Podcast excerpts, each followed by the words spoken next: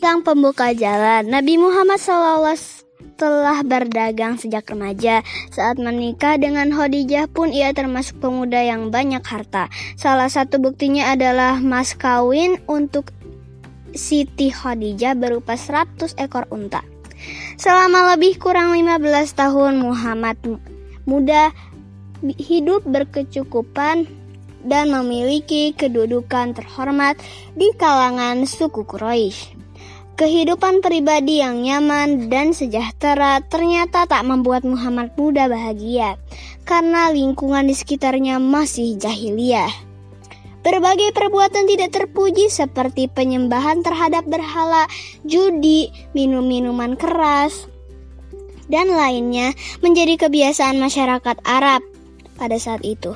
Didorong keinginan yang kuat untuk mengubah keadaan jahiliyah tersebut.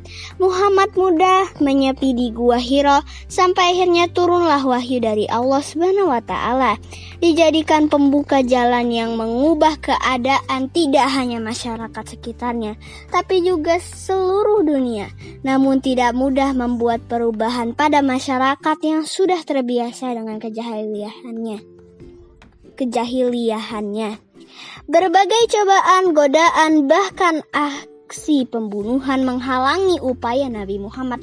Beliau siap menghadapi itu semua karena yakin bahwa Allah taala selalu bersamanya.